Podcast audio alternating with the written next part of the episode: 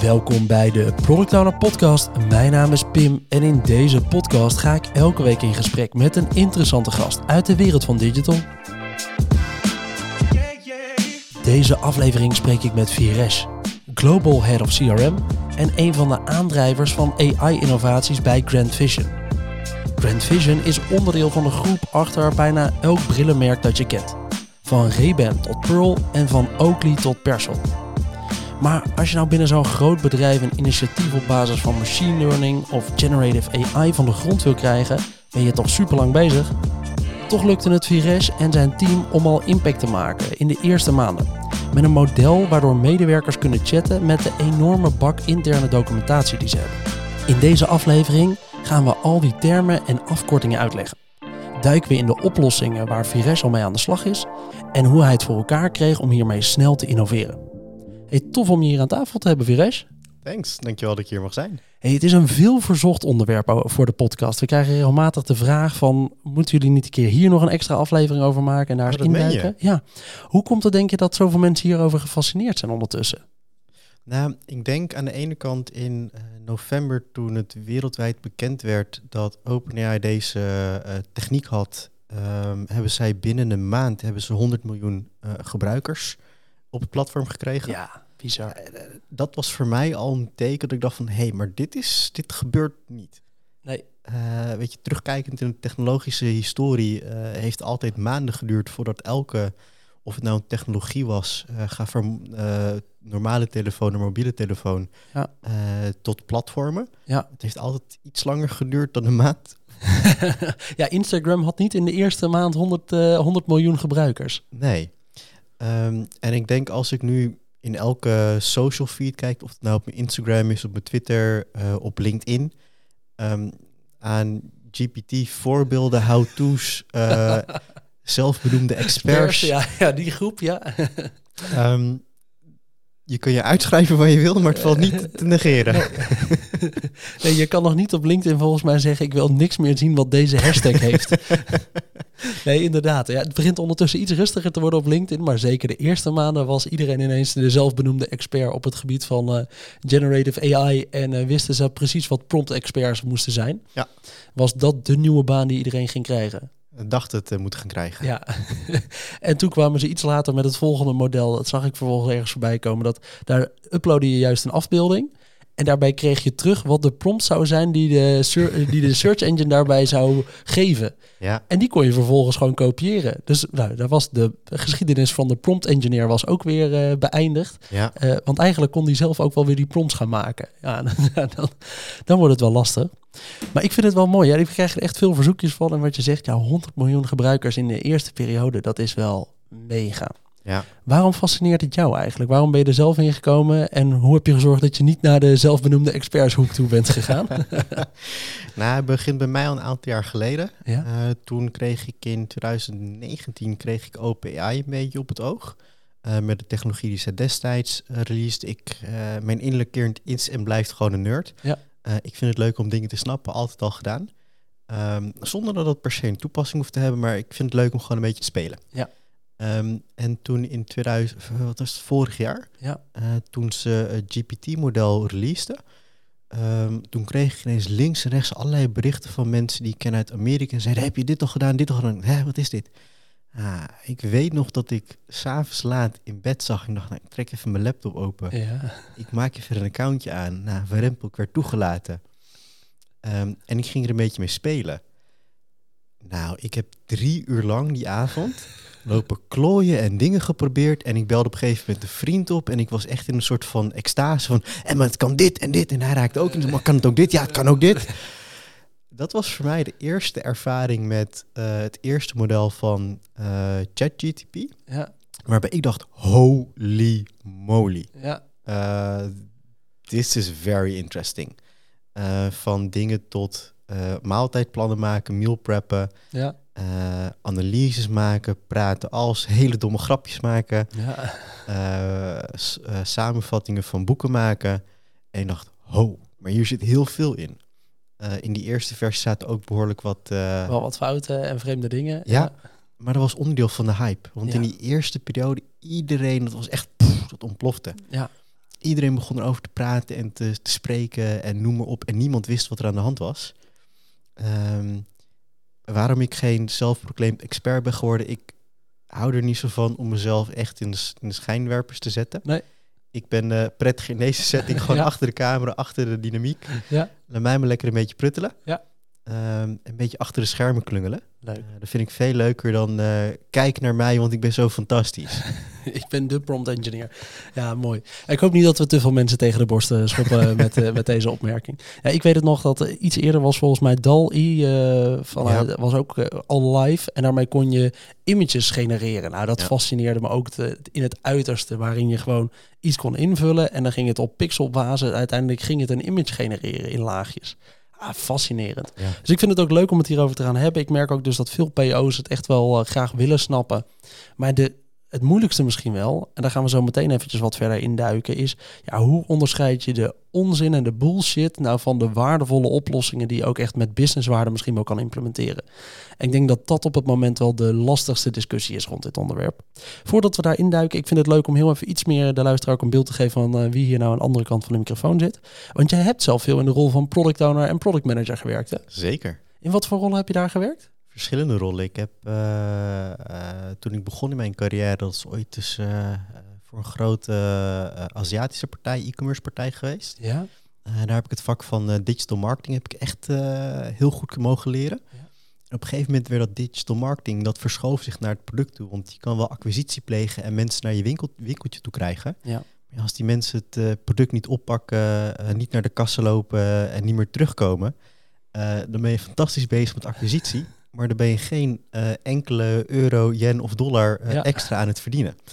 Eh, dus op een gegeven moment raakte ik heel erg gefascineerd van... hé, hey, maar wat gebeurt er nou met het waarom achter iemand die in... of nou de digitale winkel is of de fysieke winkel... Ehm, wat houdt hun tegen? Waar lopen ze tegenaan? Wat lossen we niet voor hun op? Ja.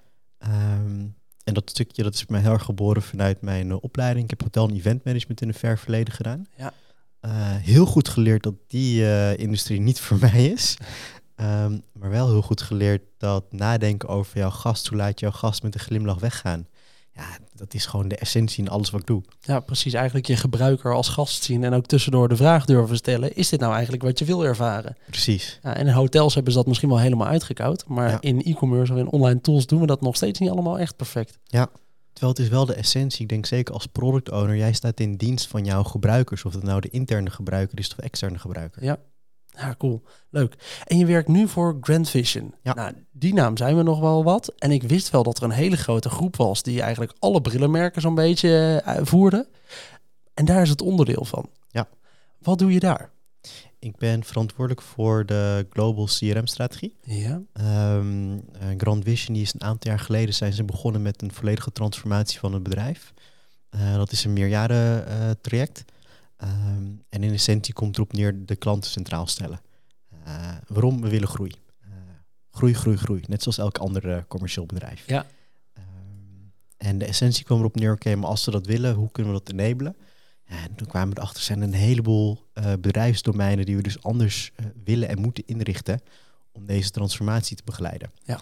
Ehm, welbekende Customer 360 is denk ik een veel voorkomende term in ons eh, vakgebied wat we tegenkomen. Maar dan moet je denk ik voor de PO's misschien wel even uitleggen. Customer 360.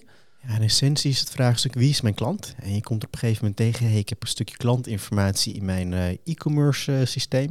Ik heb een stukje klantinformatie in mijn advertising systeem. Ik heb een stukje klantinformatie in mijn betaalsysteem. Ja. Ik heb een stukje klantinformatie. Noem al die systemen maar op in het IT-landschap. Juist. Ja. En dan stelt iemand de vraag, goh, maar wie is eigenlijk de waarheid van Viresh? Ja. En dan gaat iedereen het systeem inkijken en geven we allemaal een antwoord van elkaar wat niet overeenkomt. Juist.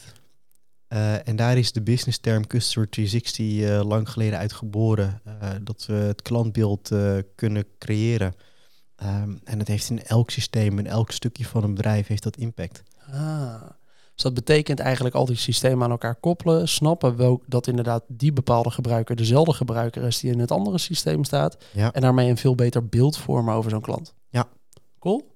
En eh, binnen, binnen de bedrijf, want eh, ik zei het net al eventjes, iedereen kent het eigenlijk wel van al die merken. Maar nou, noem er eens even een paar op die hier allemaal onder vallen. Want iedereen die denkt in één keer, oh wacht, Dat is van deze merken.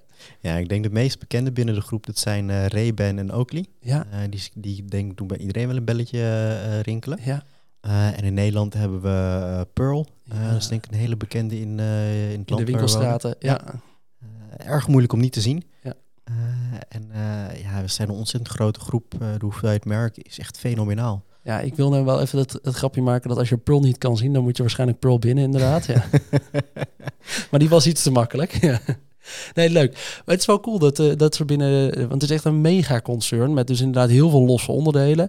Jouw klant, is jouw klant de eindklant of is jouw klant met name de interne gebruiker binnen het bedrijf? Beide. Mijn eerste primaire klant zijn de interne klanten binnen het bedrijf. Ja. Ehm, secundair help ik mijn interne klanten om het na te denken over wat zij kunnen doen om hun interne of hun eigenlijke echte klant. eh, Precies. Ja. En dat zijn voor jou dan met name de, de winkelvestigingen bijvoorbeeld, of de mensen die ergens op een service onderdeel zitten van een merk als Reben. beide. Ja. Want wij hebben zowel eh, de winkels eh, waar we in, in dienst staan, maar ook e-commerce. Ja. En wij hebben de hele keten valt binnen de groep dus van, Ah, alles van e-commerce tot aan de winkel valt binnen één groep. Ja, maar ook productie van de dingen, dus research en development, noem alles maar op. De hele keten van een bedrijf, dat, dat is wel cool om dat allemaal binnen één groep te hebben. Ja. Heel leuk. Ik eh, vind het fijn dat we even iets meer begrijpen inderdaad in, eh, in welk werksferen jij zit.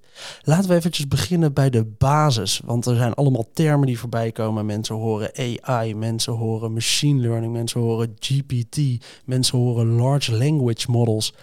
En ik kan me ook wel voorstellen dat je op een gegeven moment denkt, ik weet even niet welke kant ik nou op moet. Zullen we even de belangrijkste daarvan misschien wel uiteenzetten? En misschien is het belangrijkste wel generative AI, is waar het allemaal een beetje... Dat is de basis ergens, hè? is een beetje de overkoepelende term die, je die je nu steeds vaker ziet terugkomen. Ja.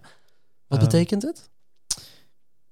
Als ik het in, eh, ik vind het zelf altijd heel prettig om gewoon dingen in Jip Janneke taal eh, te begrijpen. Ja. Want als ik het niet aan mijn eh, neefje en nichtje van, eh, eh, ze zijn eh, nu eh, vier en eh, zeven, Ja. eh, kan uitleggen, dan kan ik het zelf ook niet begrijpen. Nee. Ehm, voordat ik die uitleg, vind ik het altijd fijn om eerst AI uit te leggen. Precies. AI is eigenlijk niks meer dan gewoon een, een reeks met rekensommetjes eh, waarin je iets kan oplossen. En dat is een hele versimpelde versie waarin je vervolgens kan zeggen, hey, ik heb eh één hele specifieke taak eh, en ik ga dit stukje rekenkracht ga ik trainen om deze specifieke taak te kunnen doen.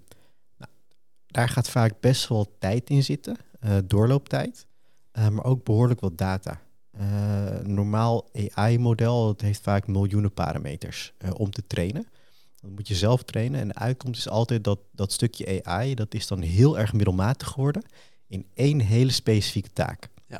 Ja. En dat is fantastisch, want als je die ene hele specifieke taak heel veel tijd, geld en effort en frictie kost, dan heb je dus waarde gecreëerd voor het bedrijf, omdat die ene specifieke taak is er beter in geworden.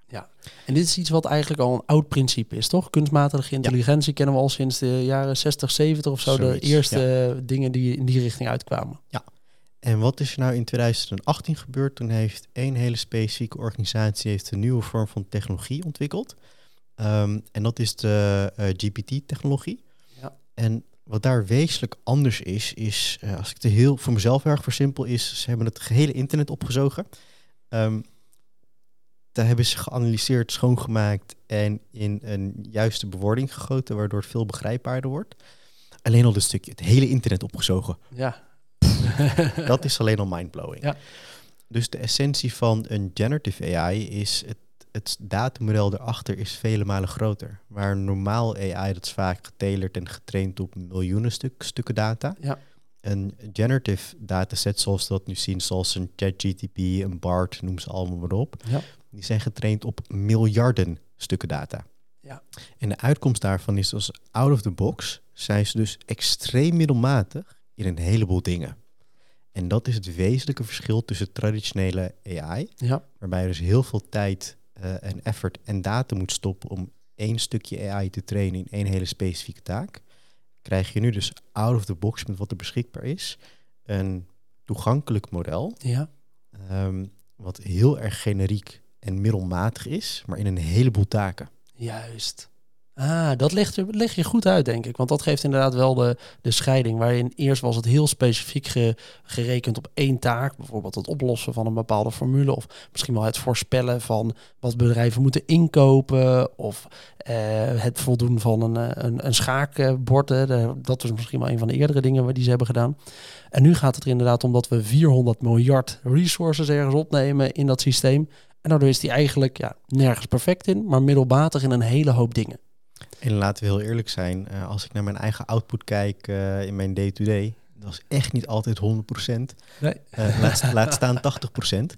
Eh, een hoop is gewoon, moet gewoon even gebeuren. Middelmatig is prima, Ja, maar het is gewoon volume wat gedraaid moet worden. Oh, die is wel, dat is wel een grappige stelling inderdaad. Want ergens denken we allemaal, eh, maar, ja, maar zo'n AI maakt toch best wel veel fouten nog. Maar ja, dat wil niet ook. zeggen dat, dat wij niet heel veel fouten maken op een dag. Ah, die is wel mooi. Hey, daarnaast horen we, dus we hebben ergens AI, leggen we nu uit, generative AI, GPT. Een term die mensen nu dus overal beginnen te roepen, omdat dat eigenlijk eh, de, het merknaampje bijna is geworden, wat bekend is geworden, is, dus, is het stukje techniek van OpenAI zelf, waarmee zij eigenlijk hebben laten zien, hiermee kunnen we heel veel data sources gewoon van het internet in één keer aanroepen. Ja, wat, wat, wat OpenAI eigenlijk gedaan heeft in 2008 is die technologie die is geboren uit hun eh, research en development. Dat hebben ze ook als eh, destijds was het een volledige open source omgeving. en dat hebben ze beschikbaar gemaakt voor de markt. Nou, op een gegeven moment is Microsoft natuurlijk eh, vol ingestapt in OpenAI, eh, Ja. commercieel gezien. Dus dat is geen... Nee, eh, daardoor hadden ze een beetje geld op de achterkant, want je hebt nogal wat data servers nodig om dit te kunnen doen. behoorlijk. Ehm, en, en de term GPT, Generative Pre-trained Dataset, wat je daarmee dus Ja. hebt.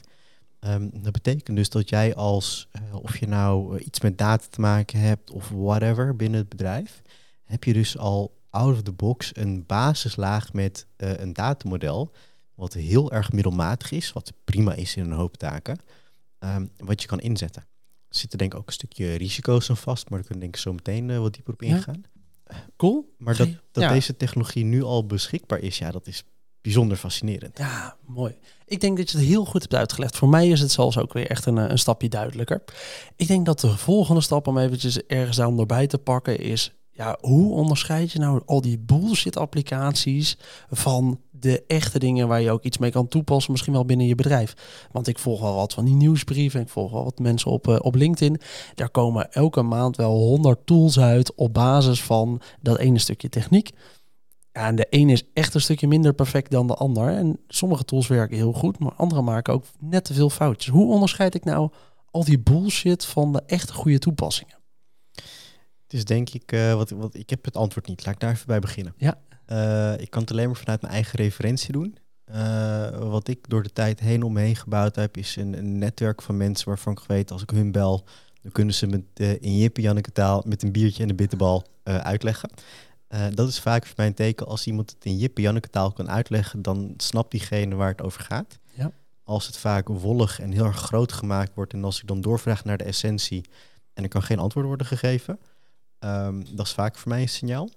Eh, wat ik vaak doe als ik andere eh, softwareoplossingen of de shelf ehm, aan het eh, beoordelen ben en ik ben in gesprek daarin vanuit mijn professionele rol, Ja. dan vraag ik altijd een aantal vragen. Vraag 1 is op wat voor datamodel is dit getraind? Als daar een heel wollig antwoord uitkomt waarin ik eigenlijk voel, ja, maar het is alleen maar op een open model zoals BART of ChatGTP getraind. Ja.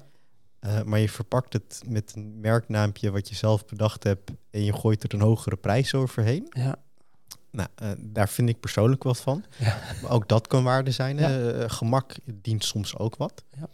Ehm, en wat ik zelf altijd geïntroduceerd heb als ik dit nou, nu bij Grand Vision implementeer, is veiligheid. Weet je, OpenAI is nog altijd een datamodel wat publiekelijk toegankelijk is. Er zijn al een legio aan voorbeelden van eh data breaches, datalekken, ehm, voorbeelden dat de input gebruikt werd om het eh, datamodel te trainen. Ehm, ja, voor een heleboel toepassingen is dat helemaal prima. Eh, maak even een Instagram post, ja, mij, kan mij bommen dat het gebruikt wordt. Ja. Maar op het moment dat ik mijn strategische meerjarenpla- meerjarenplannen maak eh, met deze technologie en ik geen controle heb over hoe die dat gebruikt wordt binnen datamodel en het misschien wel toegankelijk is voor Jan en Anneman. Ja, die vervolgens eh vragen gaat stellen over hoe zit dit binnen Grand Vision en dat hij dat oude document wat jij hebt geüpload zou gaan gebruiken. Ja, Ja, eh, dan, dan moeten we onszelf een beetje achter de oren krabben. oké. Dus jij zegt in ieder geval check even een paar dingen als je, als je met zo'n techniek aan de slag wil, zeker zakelijk. Eén is op wat voor datamodel is het getraind. Ja. En twee is Veiligheid, security. veiligheid. Juist. Hoe zit het met die security kant? Dat is wel een, wel een goede basis om eventjes ergens neer te leggen.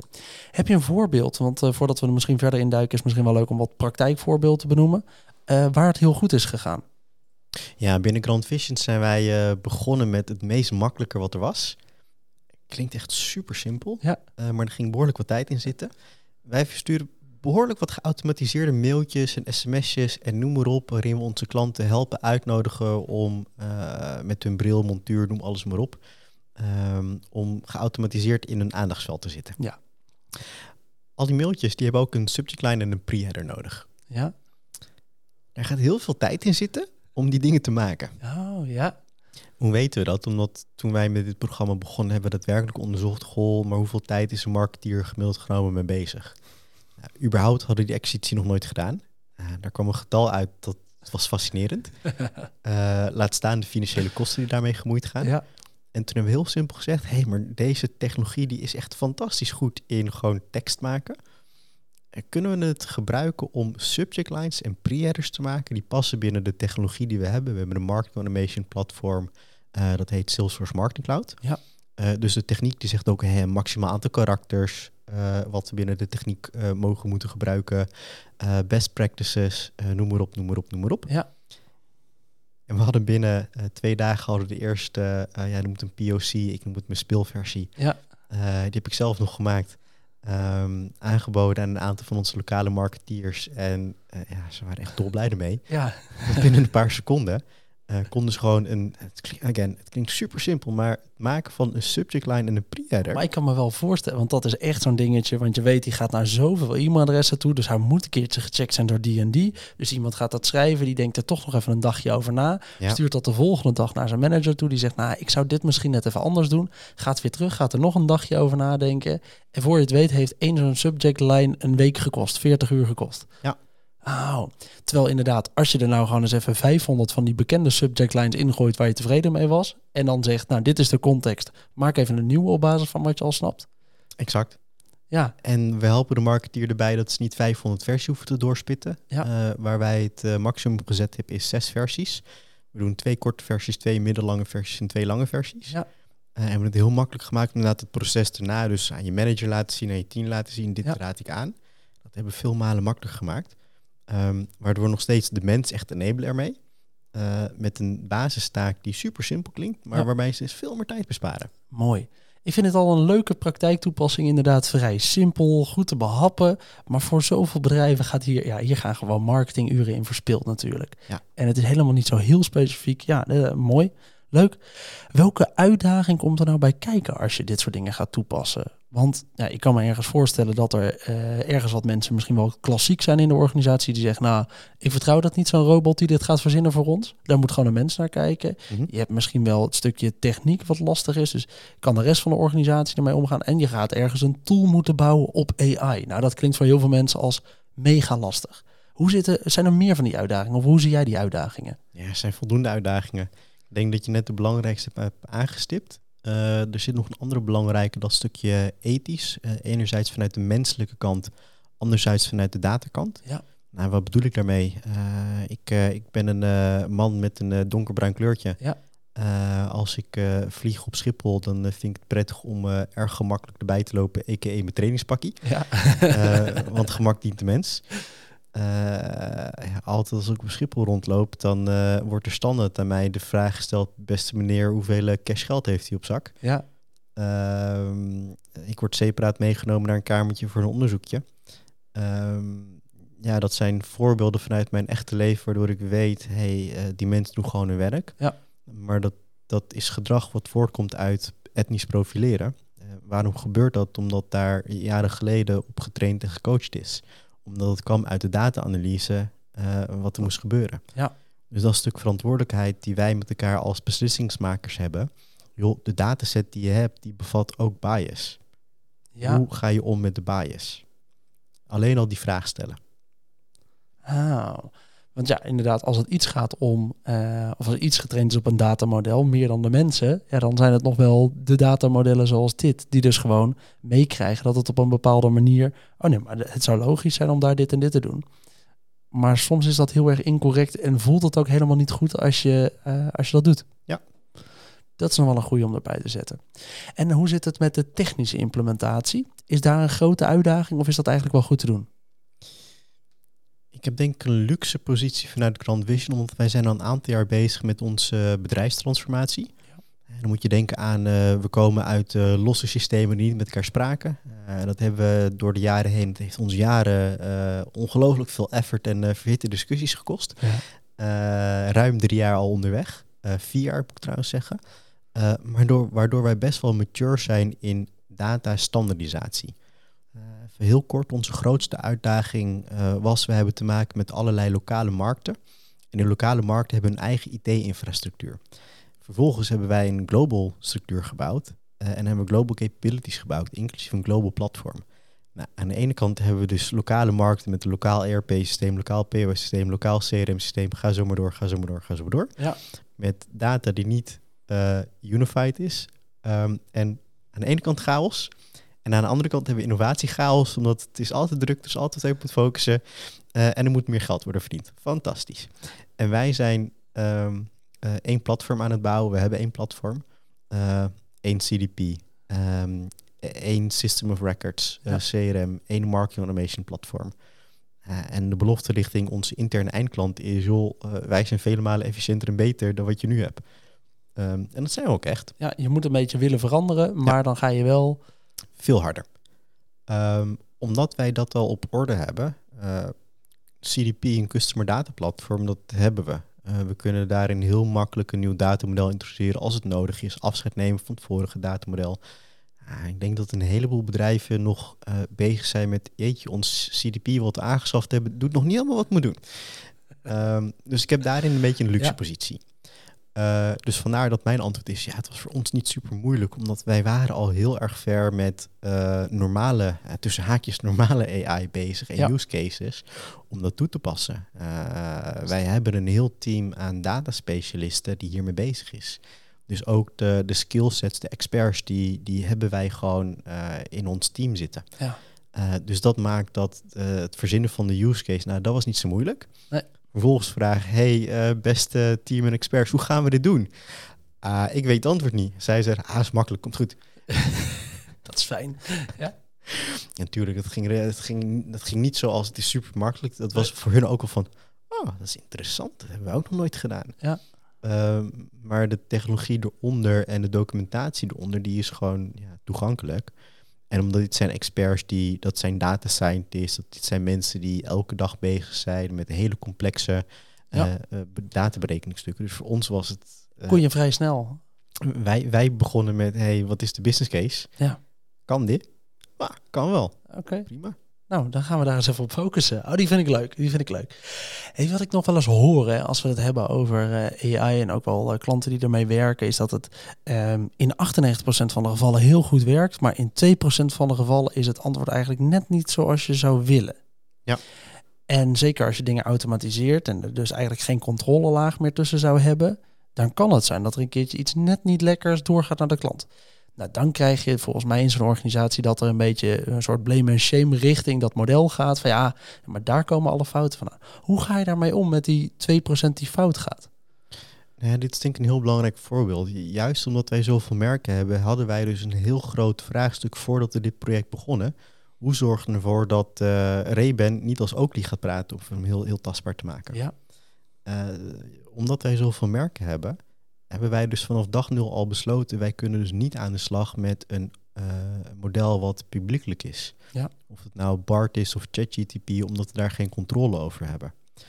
Dus wij hebben onze technologiepartner gevraagd, hey, maar kunnen wij onze eigen generatieve AI ontwikkelen op basis van onze dataset, waarin wij, en dat doen we het principe van eh data security, per merk echt die security kunnen aanbrengen dat het merk niet leert van een ander merk binnen de groep. oh, Want dat oprecht, dat is... eh, dat is een risico. Ja, snap ik wel. Ja, wij bouwen global capabilities. En als, als merk A ineens merk B gaat imiteren, ehm, dan weet ik heel zeker dat ik de volgende dag een niet zo leuk gesprek heb met mijn manager. Nee, nee. Dan, dan wordt het een lastige contractbespreking. Ja, ja. nee, dus daar, daar zijn wij vanaf dag nul mee aan de slag gegaan. Hoe kon je dat voorkomen? Ja. Uh, dus wij hebben de keuze gemaakt om eerst een laag te bouwen, een technische laag, waarin we wel gebruik kunnen maken van open source modellen, maar die is configurabel. Um, heel plat, een van de vragen waar we gewoon elke, elke periode mee dienen is, hoe zorgen we ervoor dat we een, een IT-landschap bouwen waar we geen legacy in hebben? Ja. Alles wat je vandaag bouwt is morgen alweer overbodig. Ja. Uh, uh, dat is IT 101. hetzelfde zien we binnen deze technologie. Dus wij hebben heel bewust het design pattern toegepast. Dat we zeggen, hey, de, de onderste laag, dat is een configurabele laag. Waarin we externe uh, generative AI kunnen inpluggen en uitpluggen als we willen. Ja. Daarbovenop hebben we het uh, generatieve AI-laag van onze partner neergezet. Zij hebben hun eigen layer ontwikkeld om dat ja, eigenlijk voor ons uh, te productizen. Ja. ook omdat we heel bewust de keuze hebben gemaakt, we willen niet maintenance hebben. Uh, wij hebben een strategie dat uh, waar mogelijk kopen we een off-the-shelf product. Uh, en waar dat niet mogelijk is, als het niet kan voldoen onze wensenlijst, ja, dan gaan we het zelf bouwen. Ja. Um, daarboven met onze partner hebben we onze eigen um, Grand Vision Generative AI laag gebouwd. En die is heel specifiek op de merken. Juist. Per merk brandkit geïmplementeerd. Wat is DNA? Hoe mag er wel gesproken worden? Hoe mag er niet gesproken Oh, worden? Wat zijn de kernwaarden? Ja. En dat is het mooie van al die merken. Uh, ja, dat stond wel goed gedocumenteerd natuurlijk. Dat is waar die merken al jaren mee bezig zijn. Dus je hebt de info. De merkpolitie is mijn vriend. Ja, ja want die willen, die willen dit goed invullen. Oké, ga maar goed invullen. Dan kunnen we hem daarop trainen. Ja. En door die laagjes aan te brengen, en dat vind ik een mooie les hier ook uit inderdaad, kun je dus zorgen dat je zorgt dat dat niet van elkaar gaat leren of door elkaar heen gaat praten of verkeerde termen gaat gebruiken. Ik vind het mooi. Goede uitleg. Het geeft mij echt een duidelijker beeld van hoe je dit in een business case ook daadwerkelijk kan gaan toepassen. En ik moet ook echt zeggen, dit is alleen omdat wij uh, Wise Analytics, dat is onze datapartner. Ja. Zij hebben ons zo ontzettend goed begeleid hierin in het begin. Uh, ik was samen met een aantal collega's, waren wij, uh, noem het een beetje de, de gekkies slash piraten ja. die, het, uh, die het conceptueel wel zagen. En zij waren, noem het, ja, de, de wijze oude man, vrouw, whatever. Ja. Die ons bij het handje namen en zeiden, uh, fantastisch deze kant op? Ja. en ons begeleid in de risico's en hoe we die kunnen, heel goed kunnen wegnemen. Ja. Um, en zij daar gewoon heel open geweest naar ons toe, hoe we dat het beste konden aanpakken. Ja. Heb je ook een keertje in dit proces, want we horen nu natuurlijk het topverhaal, een keertje echt flink je kop gestoten waarvan je dacht, ah, maar dat is eigenlijk ook wel een les die we moeten delen? Zeker. Uh, de eerste POC die uit uh, mijn vingers komt. Uh, de eerste proefconcept die ik gemaakt heb. En dacht ik, weet je, ik pak gewoon een, een hele kleine veilige testomgeving. Heb ik de, de API gepakt van OpenAI. Ja. Daar heb ik een heel simpel interface op gemaakt. Waarbij ik dacht, joh, maar iedereen snapt toch wel hoe ze een technische term query moeten maken. Een stukje Ja. input voor hoe je de technologie moet maken. de input is, joh, maak een subject line voor merk ABC. Um, nee mensen snappen dat niet. En dat snap ik, want ik ben hem gaan terugredeneren naar hey, de enige reden waarom ik hiermee bezig ben. A, ik vind het erg leuk. Ik ben er gepassioneerd over. En ik ben er in mijn eigen vrije tijd ben ik er veel mee bezig. Uh, ja, dat ik die verwachting heb van mijn collega's die al super vol zitten met van alles en nog wat, dat is denk ik niet realistisch. Ja. Um, en dat kom ik denk ik veel meer tegen in gewoon überhaupt uh, als product owner ook. Uh, vaak ben je gepassioneerd over het product wat je aan het ontwikkelen bent samen met je team. Um, maar willen we wel eens vergeten dat we het bouwen voor eindgebruikers. Oké, mooie les. Uh, goed om te snappen dat er inderdaad, ja, je moet ook een paar keer je kop stoten. En je kan er niet van uitgaan dat iedereen op dezelfde manier die techniek snapt zoals jij. Zeker niet als ze niet de neiging hebben om te veranderen met dingen. Als je nou als product owner naar deze aflevering zit te luisteren en je denkt, ik wil hier wel meer mee. Ik wil ook een keertje mijn kop kunnen stoten ergens tegen, maar ik wil ook ergens een keer een succesje mee boeken. Wat zijn dan de belangrijke vaardigheden of kennis en waar doe je dat op om hiermee meer aan de slag te gaan? Ga naar ChatGTP. Ja. Maak een account aan, is gratis. Ja. Ga gewoon even vijf minuten even spelen. Zonder een doel. Uh, wil je een tip, uh, vraag eens aan het ding, hey, maak een maaltijdplan voor me. En er komt een antwoord uit. En misschien is het antwoord wel goed, misschien is het antwoord niet goed. Ga Ja. dan eens nadenken over, hey, als ik een eh, personal trainer heeft, wat vraagt diegene dan aan? Of degene die normaal het maaltijdplan voor me maakt. Die vraagt waarschijnlijk naar je leeftijd, naar je gewicht. Die ziet aan je of je een man of een vrouw bent. Eh, en die pakt het ook mee. Die pakt volgens de macro-doelstellingen die je hebt. Wil jij eh, vet verliezen of wil je spiermassa laten groeien? Ja. Ga dan eens spelen over, hey, al deze technologie, het is een hele slimme stagiaire. Maar net als elke andere stagiaire, die moet je bij het handje nemen en uitleggen stap voor stap hoe het werkt. Wat je van diegene nodig hebt. Nou, ik ben dat je zelf een keertje gaat spelen ermee. En dat is denk ik het beste om gewoon te doen. Ignore alle eh, ruis, noem ik het altijd, op eh, wat je kan vinden op het internet en noem maar op. Gewoon zelf een beetje spelen. Ja. Ehm, op het moment dat je dat gedaan hebt, ik denk zeker als product owner, eh ben ik wel een leuk verhaal. Ik, ik ben van nature vrij lui. Ehm, ik vind het heel erg leuk om met mensen in gesprek te gaan en te begrijpen, hé, waarvoor doe ik dit? Maar als ik als product owner een waslijst heb met user stories om te maken, Ja, dan vind ik vaak eh user story 1 tot 5 vind ik erg leuk. Eh user story 5 tot 10 eh, zie je mijn energie al voorbij zakken. Ja. En alles vanaf user story 11 tot ga maar door, kan je zien dat ik het aan het afraffelen ben. Ja. En hoe zie je dat nou? Vaak is de beschrijving van het stukje waarom ben ik vaak wel goed in. Maar ik wil nog alles mijn acceptance criteria. Ja. Mwah, mwah. Ja. Ik heb eh, toen ik op een gegeven moment de generative AI producten eh, de go kreeg om dat goed te gaan, gaan ontwikkelen en de volgende versies, heb ik met de generative AI oplossingen eh, heb ik mijn user stories geschreven. Zeg ik ook meteen bij, heb ik niet geknipt en geplakt, want Nee. dat is denk ik meteen wat iedereen denkt, oh, dan kan ik meteen. Nee, nee, nee, nee, nee. Het helpt je om de basis neer te zetten. Ja. Lees kritisch wat eruit komt. Ben je het daarmee eens? Nou, prima. Denk je, hé, hey, dit is hele goede input. Ik moet er even een minuutje aan besteden om net even dit woord aan te passen, net even dit zintje aan, aan te passen. Prima. Ja. Ja, als je kijkt naar hoe lang ik meestal met één eh, een beetje middelmatige use story kost me echt wel 10 minuten minimaal. Ja. Met deze technologie, hoe ik het eh, nu aanpak, twee minuten. Ja, gaat het gewoon sneller. Gewoon de, de, de tekst eromheen. Je moet gewoon even de basis geven. Oké, hier moeten acceptance criteria. Dit is mijn normale standaard document. Pas ze aan op deze storyline die ik hierboven heb geschreven. En maak de tekst iets uitgebreider met wat eh, duidelijke punten. Ja, en ik weet niet hoe het met jou zit, maar als product owner krijg ik vaak van mijn eh, development team krijg ik de vraag, hey, eh, beste product owner, wat zijn de functional requirements? Jongens, dat heb ik jullie net uitgelegd. Terwijl nu loop ik een eh, sessie binnen met een Ja. use story die echt goed voorbereid is. En ik krijg inderdaad van eh, de engineers, de experts, krijg ik feedback. Oh, wat is dit goed voorbereid? heb jij dit geschreven? Nou, nee.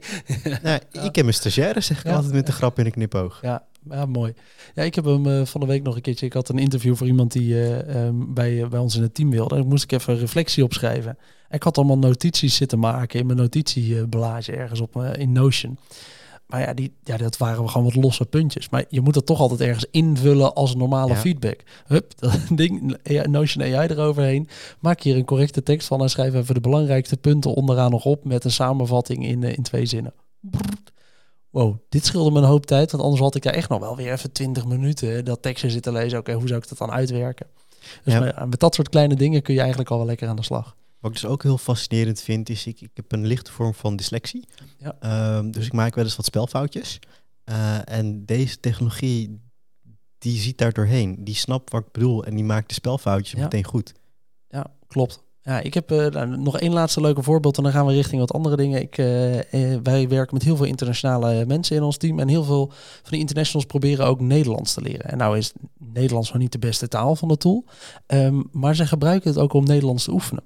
Want je kan een zin schrijven met best wel een hoop spelfouten en dan zet je ergens in die prompt met doe alsof je een Nederlands docent bent en help me met corrigeren terwijl we dit gesprek voeren.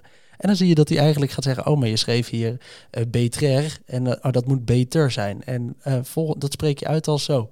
Ja, Prachtige manier om zo'n tool eigenlijk al toe te passen op een kleine manier. Hey, ik vind het leuk om nog even een paar dingen te doen voordat we deze aflevering gaan afsluiten. Ik denk dat jij misschien nog wel zicht op een paar, paar leuke opkomende trends die mensen in de gaten moeten houden. Het lijkt me leuk om die eventjes te pakken. En ik wil graag eventjes afsluiten met wat nou de tips zijn die we mensen willen meegeven na het luisteren van deze aflevering. Laten we starten met dat eerste. Zijn er nog coole opkomende trends die we in de gaten moeten houden? Of zijn er dingen die we zeker eventjes moeten gaan opzoeken naar deze aflevering? Naast, ga het eens zelf even een beetje proberen. Ja, ik denk, en dit is een beetje in, eh, in het eh, stukje hype. Ja. Eh, wat ik nu heel erg zie is dat textueel eh, gemaakte dingen door deze technologie, die zijn heel goed in een heleboel talen. Eh, visuals, er is een hoop hype, maar is nog niet op het niveau dat je het eh, één op één kan overnemen. Nee. Daar zie ik een heleboel ontwikkelingen nu in. Eh, denk aan voorbeelden als eh, wij voeren binnen het bedrijf een heleboel meetings. Ehm, die voeren we vaak digitaal, want we zijn een wereldwijd eh, bedrijf. Ehm, en wat gebeurt er tijdens een meeting? Een half uur, een uur kletsen we met elkaar, hebben het over allerlei inhoud. Niemand houdt notulen bij. Ja. Aan het eind van de meeting gaan we allemaal weg. Twee weken later komen we een keertje bij elkaar. en niemand heeft zijn of haar taken gedaan. Terwijl de digitale tooling waarin we de meeting voeren, ja, die kan gewoon meeluisteren. Eh, die kan notities voor ons maken. Eh, en die kan zelfs zover gaan dat hij de notities of uitstuurt voor ons. Ja. Of dat hij die stuurt naar de leider van de meeting. eh, degene die de meeting heeft eh, geïnitieerd. En zegt, hey, dit zijn je meeting notes, dit zijn de acties, eh, stuur ze uit. Ja, Ja, dit zijn hele fascinerende dingen. En eh, voor mij is altijd vraagstuk, wat is de waarde eh, door de hype heen gaan? Dus ik hou heel erg, gaat, heel erg in de gaten, hey, maar wat zijn nou dingen die echt waarde creëren? Eh, of dat nou textueel is, visueel. Ehm, wat ik ook een hele interessante vind, is research en development. ja. Eh, het stukje innovatie eh, gebruik je hierbij, waardoor je creatieve proces veel sneller kan gaan. Ja, gewoon als je ergens een, of het nou een writer's block is of je probeert iets te, voor Ja. elkaar te krijgen. Ja, dit is wel de manier om gewoon, oké, maar dit heb ik wel in mijn hoofd. Help me eventjes met het formuleren van dit of met het visualiseren van dit. Ja. Cool. Ik vind het leuk. Ik, eh, ik ben er enthousiast over. Ik hoop ook dat de luisteraars hier uithalen waar ze allemaal naar vroegen de hele tijd. Maar ik heb het gevoel van wel. Je hebt het echt heel helder uitgelegd. Dus laten we eventjes, nog eventjes de samenvatting pakken. Wat zijn nou de grote lessen? Is er een tip die je PO's wil meegeven na het luisteren van deze aflevering? Is er iets waarvan je zegt, nou, als ik nu iets op een post-it kon schrijven en die in iemands broekzak kon doen, dit wil ik je in ieder geval even meegeven. begin bij jezelf bij begrijpen wat is nou eigenlijk generative AI. Op het moment dat je het gewoon als terminologie begrijpt en je begrijpt het wezenlijke verschil tussen normale AI en generative AI, stel daarna dat jezelf de vraag, hoe kan ik dit gebruiken? Wat zijn eh, de use cases? Of het nou voor jezelf privé is in je eigen leven of voor jezelf professioneel als product owner. Op het moment dat je dat hebt, dan heb je eigenlijk al een bundeltje met ideeën die je ergens in je roadmap kan neerzetten. Dat is denk ik tip 1.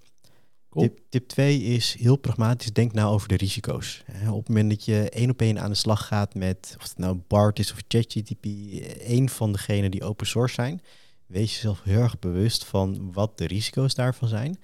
En wees daar niet bang voor. Stel vervolgens meteen de vraag, hey, ik heb de risico's opgeschreven, hoe kan ik die oplossen? Ja, Want dan heb je voor jezelf meteen een plannetje, hey, sommige risico's die kan ik niet wegnemen, maar ja, prima, we nemen elke dag wel een ja. vorm van een risico. Eh, en sommige risico's, god, daar moet ik wat langer over nadenken. Eh, misschien moet ik daar daadwerkelijk tijd aan besteden. Ja.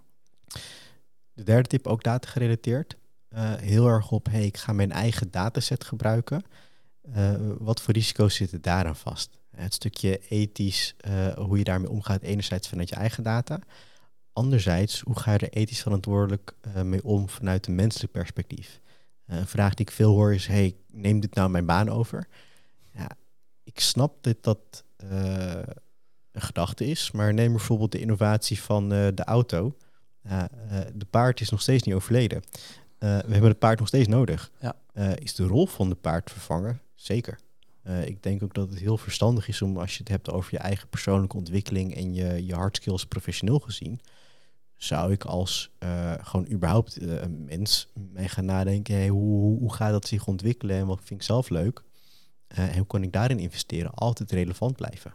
cool. Ik vind het eh, drie hele waardevolle tips. Eh, flink volle post-it, maar ik zou ermee aan de slag gaan als je de aflevering hebt geluisterd. Ik vraag ook eigenlijk nog altijd aan het einde, wat moet je dan vooral niet meer doen vanaf nu? Ja, dat is het enerzijds misschien wel voor lief nemen dat, dat dit er is en gewoon niks mee doen. En anderzijds ook wel de veiligheidsrisico's. En ik vind het heel goed dat je dat net benoemt. Ja, die moet je ook niet willen negeren. Het is niet alleen maar leuk, makkelijk en mooi. Er zit ook wel een randje aan wat je goed moet willen in, eh, inkaderen. En in ieder geval de risico's hebben afgewogen voordat je ermee aan de slag gaat. Is er nog iets anders waarvan je zegt, dat moet je vooral niet meer doen na deze aflevering? Vooral niet te veel eh, alleen maar luisteren, gewoon mee gaan spelen.